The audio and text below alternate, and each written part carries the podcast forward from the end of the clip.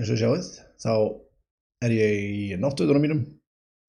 Það eru náttúð sem að fjölskylda mig gaf mér krakkarnir elska í sí.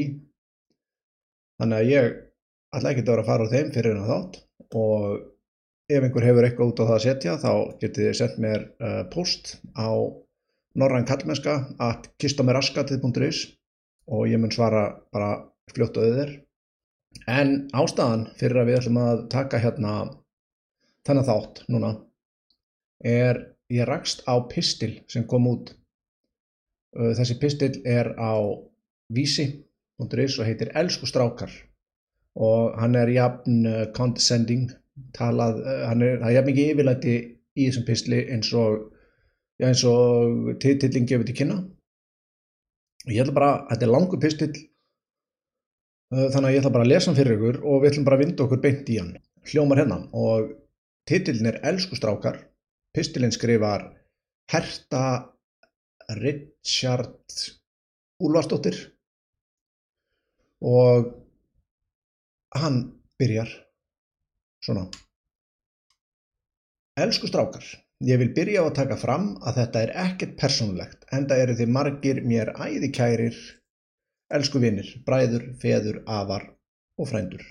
Mér þætti afar væntum að ég geti tekið mark á orðum mínum án þess að hlaupa í keng, sérstaklega það sem ég er orðin of lúin til að sóa orkunni í að vera settleg.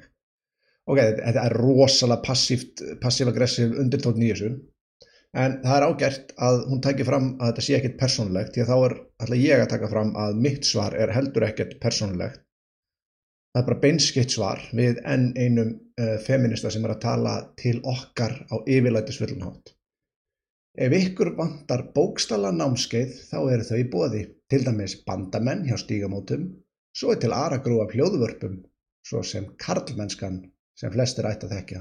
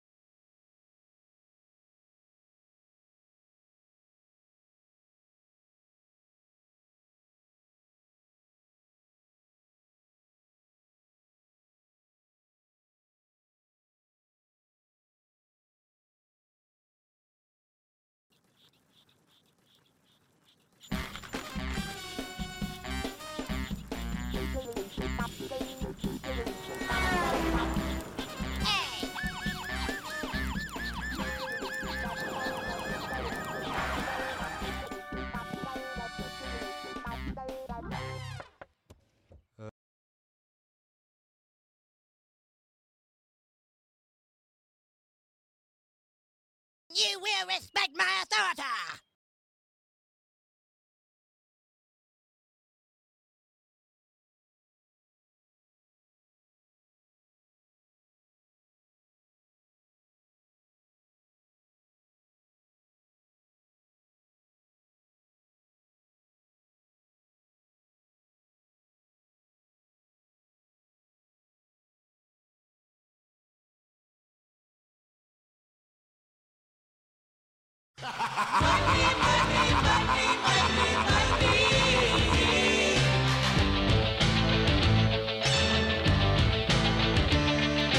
Everybody's got a price.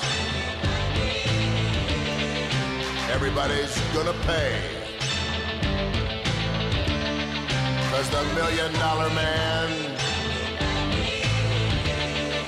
always gets his way. Karlmennskan. Já, það er akkurat fyrirmyndin sem að ungi drengir þurfa. Nora says she's healed now and glad to be rid of Ned, but her views about men have changed forever. Men are suffering. They have different problems than women have, but they don't have it better. Do you think women understand what it's like to be a man? Not at all. No clue.